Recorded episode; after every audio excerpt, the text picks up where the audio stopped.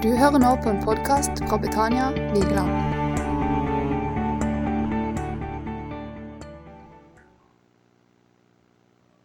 Det å være her, se kjente og ukjente. Jeg heter eh, Geir Myra, er 52 år. Bor på Spangereid, jobber i Lissa misjonskirke. Gift med Elin, som nærmer seg 50. Fort, kan du si. Og de har tre barn som har flytta ut, og det er nydelig. Fantastisk når de flytter ut. Og så er det fint når de kommer hjem igjen, og så er det fint når de reiser igjen. Og nå ville hun yngste flytte hjem igjen, for det var mye billigere. Og Sånn er det å ha barn. Når du vokser til og de blir voksne, så er de litt ute og litt hjemme, og så, og så er det litt sånn. Ja, veldig fint å, å, lese om det som skjer, og høre om alt som skjer her på, på Vigeland, og det som rører seg. Så når jeg er ute og reiser nå og treffer folk, og så spør de hvor jeg bor, og så sier jeg Spangereid. Det er det ingen som vet. Men så sier jeg Vigeland. Da vet dere det med en gang. Det er veldig fint. For Det er litt slitsomt når du bor på såpass lite sted som Spangereid. For det er jo ingen som vet hvor det er. Og så er det greit å, å, å si en plass som folk har hørt om. Og det er fint. Og det er jo fint at, at mennesker hører om det som skjer rundt her. Det syns jeg er veldig, veldig, veldig fint. Det er det. I 1896 så kom det ut en bok som het 'In His Steps'. Det er veldig veldig mange år siden. Den ble skrevet av en mann som het Charles M. Sheldon. Boka den kom først på norsk med tittelen 'I hans fotspor'. Senere utgaver har fått tittelen 'Hva ville Jesus gjort'? Det denne forfatteren ønska, han ønska å føre den kristne samtalen tilbake til utgangspunktet Jesus Kristus. For den gang så dreide det seg om kirkens manglende evne til å ta hånd om de trengende, de fattige i samfunnet. Det dreier seg om alle disse ulike trossamfunnene som sprikte i stadig flere retninger. Det dreide seg om bibelvitenskapen og teologien som i stadig mindre grad passa som utdanning for enkelte av de fremtidige pastorer og prester. Det dreier seg egentlig om hele på en måte samfunnsutviklingen. Og det brennende spørsmålet i boken var hvordan en etterfølger av Jesus skulle stille seg til alt det som skjedde. Derfor så har nettopp senere utgaver fått denne tittelen 'Hva ville Jesus ha gjort?' eller 'What will Jesus do?' Altså, For en del år siden når jeg var ungdom, og det er jo noen år siden, så var det et armbånd som alle kristne egentlig skulle ha på seg. Er det noen som husker det? Dette armbåndet som skulle være på høyre hånd. Og Jeg husker jeg hadde flere av de opp igjennom. Og hvorfor gjorde jeg det? Jo, det var for å på en måte bli minna på Når man møtte ting i livet, så var det å på en måte bli minna på Hva ville Jesus ha gjort nå? Hva ville Jesus ha svart? Hvordan ville Jesus møtt den situasjonen, det problemet, den vanskeligheten? Så det var jo vanskelig på en måte ikke bli minna på det. Det skulle kanskje ligge i oss av seg sjøl, men det var noe med det å på en måte bli minna på hele veien. Hva vil Jesus ha gjort nå? Og jeg tenker at Vi er også i en lignende situasjon i dag. Så spørsmåla vi kan stille oss, er hva ville Jesus ha gjort? Hva nå på Vigeland? Hva framover nå? Alt som har skjedd, alle helger, alle folka som kommer. Hva nå, Jesus? Hva er på en måte ditt step nå? Hva ønsker du nå? Hva ville Jesus på en måte ha sagt? Hva ville Jesus ha tenkt? Dersom han hadde levd blant oss mennesker i dag, så hadde de spørsmåla kommet opp. Så denne boka 'Hva ville Jesus ha gjort?' det er en veldig veldig bra bok, så jeg anbefaler de fleste til å lese den. Seldons bok den handler om en pastor. Ikke Geir Myra, men Henry Maxwell het han. Dette er mange mange år siden, men det handler om denne pastoren. Og det de, møter, eller det de begynner med, det er at han møter en uteligger. Som utfordrer han i forhold til hva det virkelig vil si å være en Jesu etterfølger. Uteliggeren har vanskelig med å forstå hvordan så mange som sier de er kristne, kan overse de menneskene som er så vanskelig stilt i samfunnet. Samtidig som de synger disse fine sangene hver eneste søndag, overgitt til Jesus i sine kirker og menigheter, begynner denne pastoren å gruble over om alle de som sang så vakkert som Jesus, om de levde ut disse sangene i hverdagen. Gjorde de det? Og han stiller spørsmålet hva ville Jesus ha gjort? Så det å på en måte gå i Jesu fotspor er ikke nettopp det det handler om å være en kristen. Det er å gjøre det Jesus gjør. Så grunner denne pastoren på det faktum at så mange av dem som var med i den tids kirker og menigheter, hadde fine klær, de hadde så fine hjem, penger til å kjøpe seg planlagte ferier. Samtidig som tusenvis av mennesker utenfor kirkedøra døde av sykdom, led av fattigdom, vandra rundt for å finne strøjobber og aldri eide noe piano eller maleri i sine hjem. Mens barna deres vokste opp i elendighet, alkohol og synd. Så Bibelens forfatter reiser dette spørsmålet hva ville Jesus ha gjort? Og Ved at denne pastoren gjennom møtet med denne uteliggeren på et vis blir omvendt en annen gang til å følge Jesus og Så begynner han å ane noe han aldri tidligere hadde forstått. Han ser det han tidligere var blind for. Han opplevde den andre omvendelsen akkurat på samme måte som Peter gjør i Apostlenes gjerninger 11. Da det gikk opp for Peter at evangeliet om Jesus det gjelder alle mennesker, ikke bare jødene. Så det var en forandring som var like gjennomgripende som den Peter opplevde første gang han kom til tro. Og i boka så bytter pastoren Henry Maxwell ut sine trosgrunnsetninger. Og så handler det å så ut fra sin tro med et større alvor og en større grad av etterfølgelse enn tidligere. Jeg må bekjenne at jeg selv foretrekker å å kalle meg en Jesu etterfølger. Ikke bare en Jesu tilhenger. Altså En tilhenger kan stå litt på avstand og observere det som skjer, og så er han en tilhenger av det som skjer. Men en tilhenger trenger ikke mye kraft. Den går av seg sjøl. Men jeg ønsker å være en Jesu etterfølger. Det er klart at Når noen kommer til meg og sier at du er du kristen? Ja. Men da har jeg lyst til å si jeg er en etterfølger av Jesus. Jeg er ikke bare en kristen. Jo, jeg er jo en kristen. Jeg er frelst. Ja, jeg er frelst. Men jeg ønsker å være en etterfølger av Jesus. Jeg ønsker å følge etter Jesus. Og det er jo på en måte personen Jesus som fascinerer meg mer enn noe annet. Jesus, hvem er han? Jesus han er på en måte den store helten i vår historie. Han er kilden til all godhet som vi får være mottakere av. Samtidig så er han utrolig tydelig. Han er vårt forbilde, og vi er hans kropp.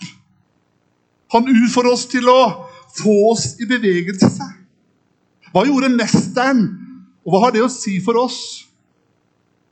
Salmisten sier sånn i Salme 23 at bare godhet og miskunnhet skal etterjage meg alle mitt livs dager, og jeg skal få lov til å bo i Herrens hus gjennom lange tider.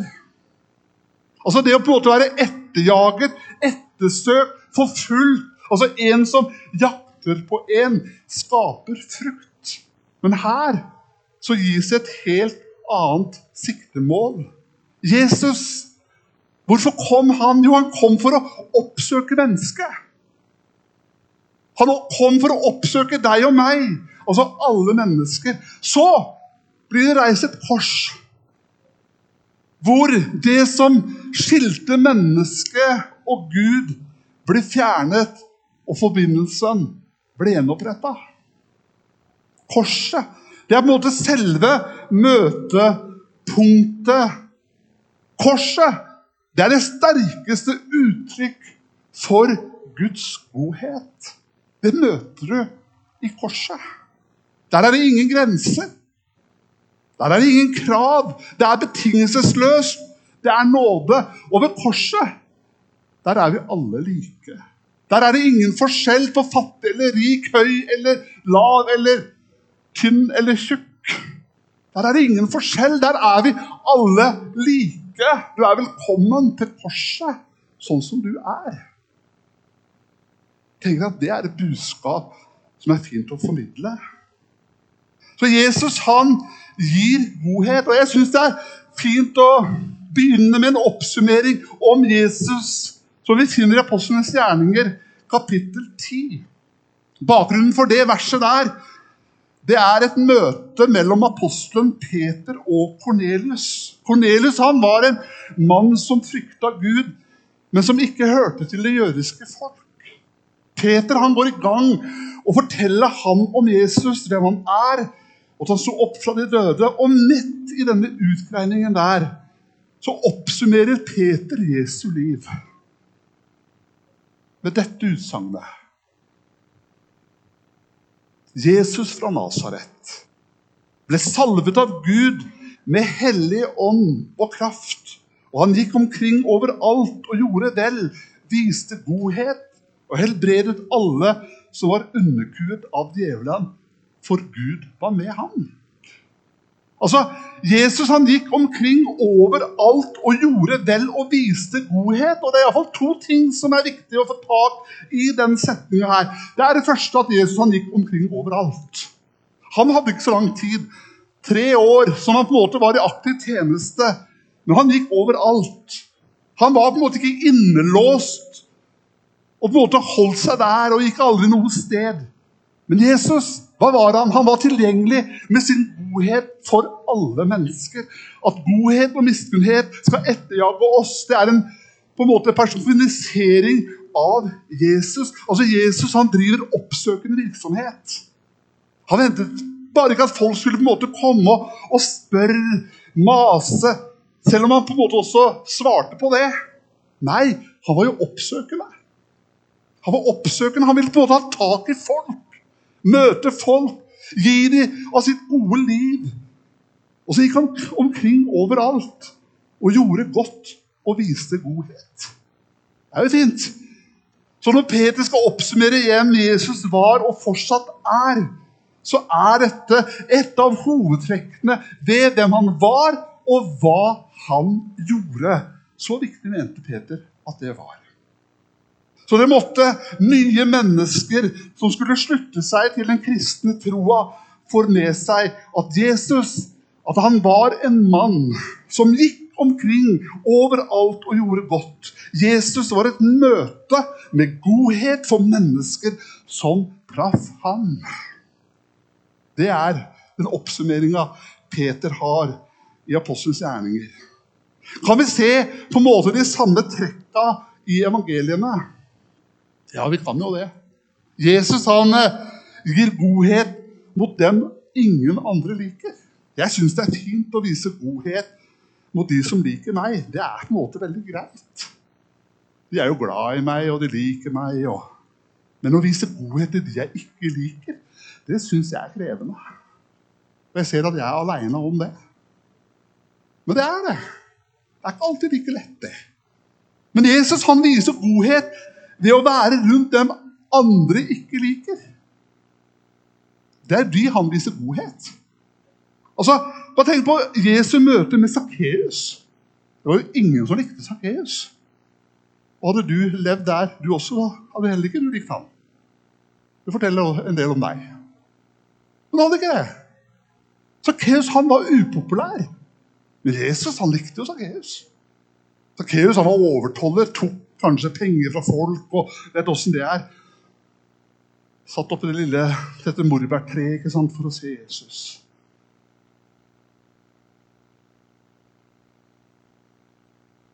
Men hvem er det Jesus stopper ved, da? Det er jo ved det treet. Det er ved dette morbærtreet, der han på en måte prøvde å gjemme seg.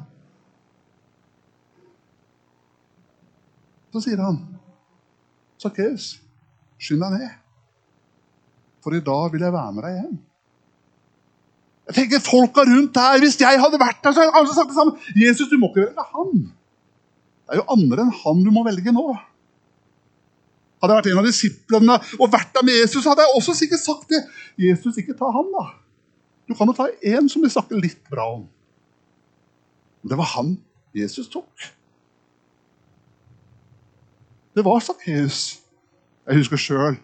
Jeg var i skoletime i to år, og så hadde vi også et spill om Sakkeus. Vet hvem som spilte Sakkeus? Det var meg. Så klatra jeg opp i et tre. Vi brukte et bord husker jeg, i klasserommet. Og så kunne jeg hoppe opp på bordet. Det hadde jeg ikke klart i dag, men det gjorde jeg da. Så hoppa jeg opp på bordet, og så gikk jeg i taklampa så det sang. Det var lille Sakkeus. Og og og så Jesus, ikke velg han, da. Det er jo noen andre her. Men hva skjer med Sakkeus? Når Jesus kommer hjem, sammen spiser med ham, så blir livet totalt forandra. Altså, det er noe med dette møtet med Jesus, denne fornyelsen, er det ikke det? Det er noe som skjer der. Ja, De spiser sammen, og så sier han Jeg kommer til å gi det firedobbelte igjen. Altså, Det var noe som skjedde. Det ble et resultat. Og så er det jo noe bra med det, da. At uh, han vender om fra alt det gale han har gjort, og så får han en ny start på livet. Altså Møtet med Jesu godhet, det forandrer alt. Det var ikke møtet med Jesu dom, med Jesu pekefinger, nei, nei, men det var møtet med Jesu nåde. Det er det som forandrer alt. Og så tenker jeg, om jeg har vært kristen i 40 år, så, så trenger jeg også dette møtet med Jesus som på en måte forandrer meg. Som på en måte resulterer i noe i mitt liv. Som, som, som, som på en måte blir en frukt av noe. Jesus han eh, viser godhet mot de utstøtte. Altså, Jesus han, han, viser godhet ved å reise opp igjen de som andre har utstøtt. Jeg tenker Et, et av de beste eksemplene vi har på dette, det er eh, kvinna som er grepet på fersk gjerning i hor i Johannes 8. Ikke bare er hun utstøtt, men hun står i fare for å bli drept. Som en konsekvens av det hun gjorde. Hun var grepet i synd. Hun har ligget med en mann som ikke er hennes. Det er ikke akseptabelt. Og disse jødiske lederne gjør jo det rette ut ifra Moseloven at det hun har gjort, det skal hun steines for. Hun skal bli drept pga. det hun har gjort. Så hun har jo rett, og de har rett ut ifra Moseloven. Og de gjør seg også klare til å steine. og kanskje, kanskje det er der at de tar steina med seg også, på en måte å være helt klar. Vi må jo ta de som har gjort dette her. Det er noe i oss mennesker men Jesus, hva gjør han da? Han reagerer helt annerledes. Han plukker ikke opp steiner for å straffe henne. Snarere tvert imot. Ordene hans for mennene som vil straffe, til å slippe steinene de har i hendene sine. Der Jesus sier 'den av dere som er uten synd, han kan jo kaste første stein'. da. Hva står da, da? Da står det at eh, de gikk ut, og de eldste gikk først. Det var det som skjedde?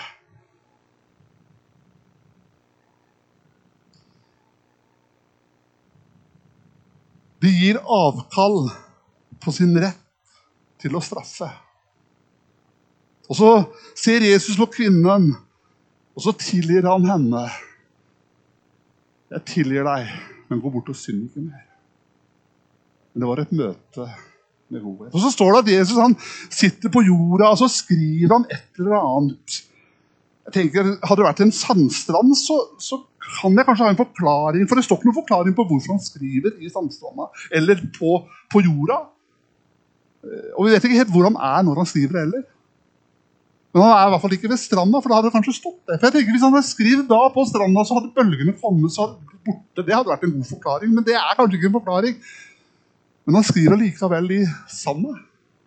På jorda. Som er et bevegelig materiale. Så kommer en vind eller et vindpust, så blir det borte. Det finnes et sted der det ble borte. Og det er ved Golgata. Og det er på korset. Der Jesus tok alt på seg. Tenk den kvinna som kunne gå derifra. Møtet med Jesu godhet ga kvinnen som var totalt utstøtt, et nytt liv. Reddet henne fra straffen og døden. Andre eksempler på at Jesus viser godhet mot de utstøtte, er historiene om måten han møtte de spedalske på og at han helbreda de spedalske. De måtte reise fra familien sin. De kunne ikke bo i byen. De måtte reise utenfor byen. Og ingen kunne være i nærheten av dem. Men hva gjør Jesus? Han eh, rører ved dem. Han helbreder det spedalske det ord men også berøring. Han bryr seg ikke om merkelappen som alle andre har satt på dem. Men han vil ha kontakt. Han oppsøker dem. Han går etter dem, og han helbreder dem. Så de som var utstøtt, var gjenstand for hans godhet. Resultatet var at også deres liv ble totalt forvandla. Jesus han viser og gir godhet mot de som ikke var gode mot han. Og jeg tenker mange ganger på Judas, som var en av de tolv nærmeste. Selv om han vet at han er en kjeltring, han vet alt han har gjort. Men hva gjør han? Han inviterer til med han inn på det siste måltidet. Og vasker også hans føtter. Han som vet at han kommer til å få råd med denne kvelden her. Ja, forteller meg om Jesus.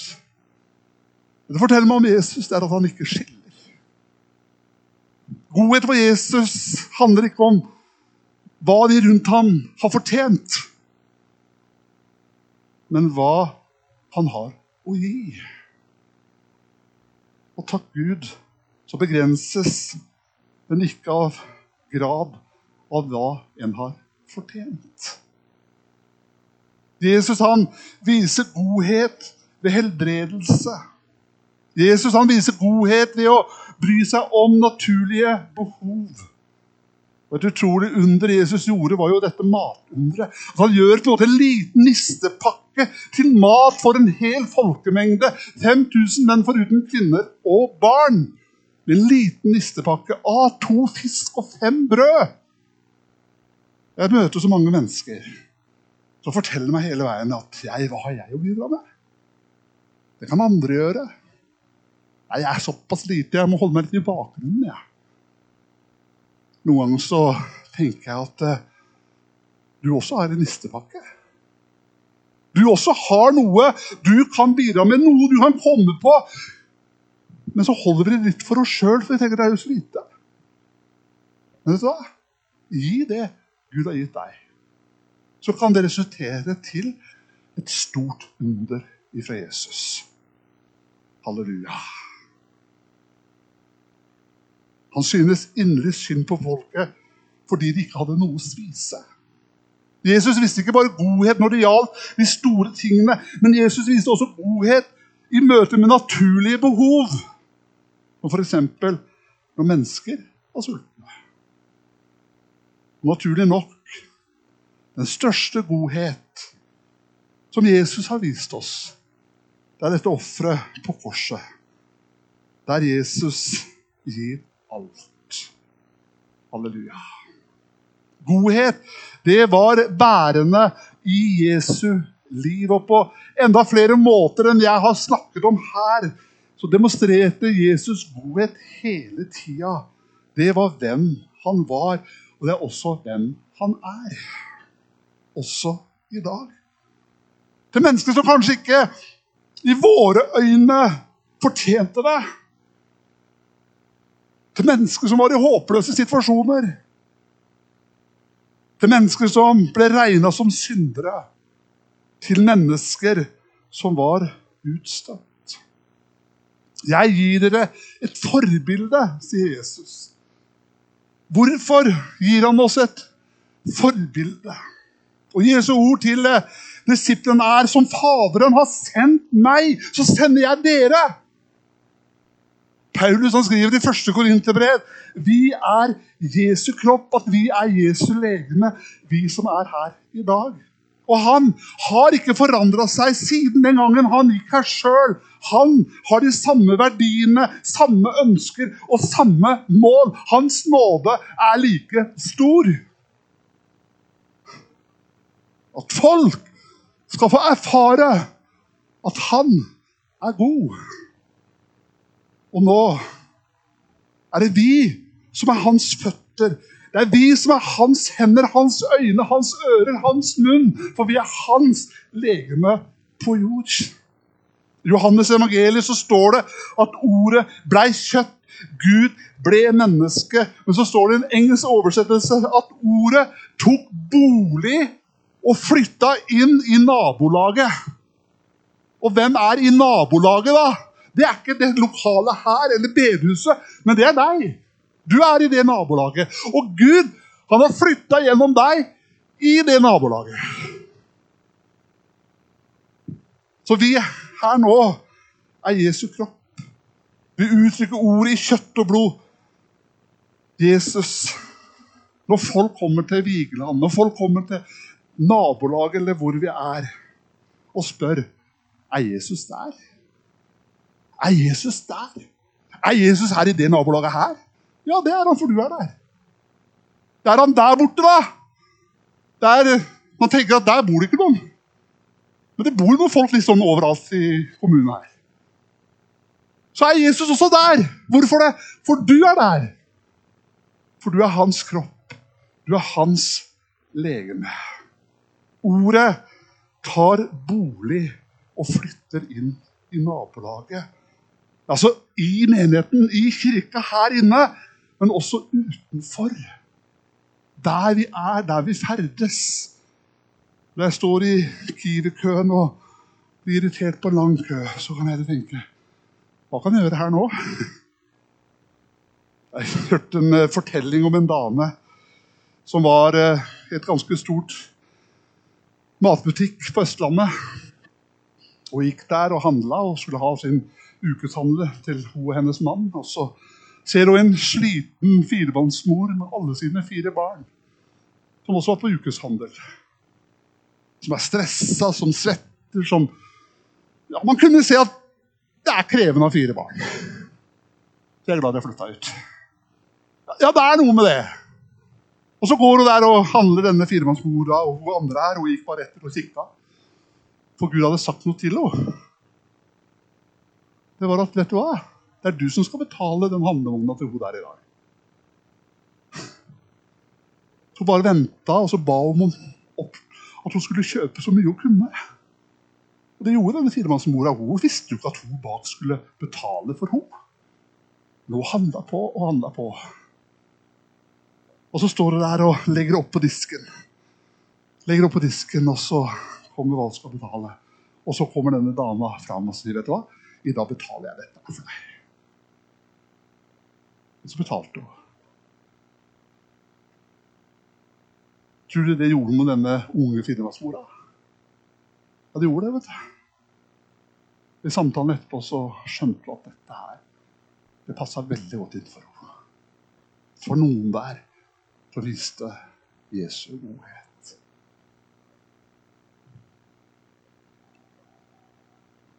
Kanskje at man kan kjenne seg litt utfordra godhet mot folk som man føler ikke fortjener det. Godhet mot dem som ingen liker eller vil være rundt. Godhet inn i en situasjon som virker så totalt umulig. Godhet inn i praktiske og naturlige behov. Jeg blir utfordra, jeg. Når sist visste jeg godhet? Når sist betalte jeg en handlevogn? Altså godhet når det på en måte koster noe. Godhet som på en måte utfordrer oss. For sannheten er at godhet som regel vil koste noe. Det koster tida mi. Det koster krefter. Det koster penger og energi. Og Gud han på en måte skraper ikke bare litt på overflaten når han ga godhet. Han ga alt. Godhet det koster oss noe, men det er så utrolig mye verdt. For den får igjen så utrolig mye. Godhet det er et kjennetegn på de som følger Jesus. Paulus han sier i Filippe-brevet, kapittel 4 vers 5.: La alle mennesker få merke at dere er vennlige, for Herren er nær. Tenker, La de mennesker som mener det samme for meg, som meg, de kan merke at jeg er vennlig. La de menneskene som stemmer det samme partiet som meg, de kan merke at jeg er vennlig. Det er jo lett å på en måte vise vennlighet mot de vi på en måte tenker at dette her er greit. Men å vise vennlighet mot alle, står det. Vise vennlighet mot alle mennesker. Hvorfor det? For Herren er nær. La alle mennesker få merke at dere er vennlige og gode. Og kanskje vi er der at vi kan slippe godheten løs. Begynne å gjøre det. Tenke i dag liksom I dag er det søndag.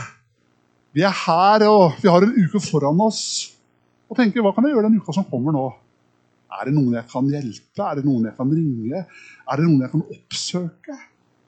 Hvis vi er Jesus, så må vi også drive med oppsøkende virksomhet. Jeg tenker fornyelse. Da skapes det en trang til å gjøre noe i Guds rike. Et møte med Jesus det skaper en trang til å gjøre noe.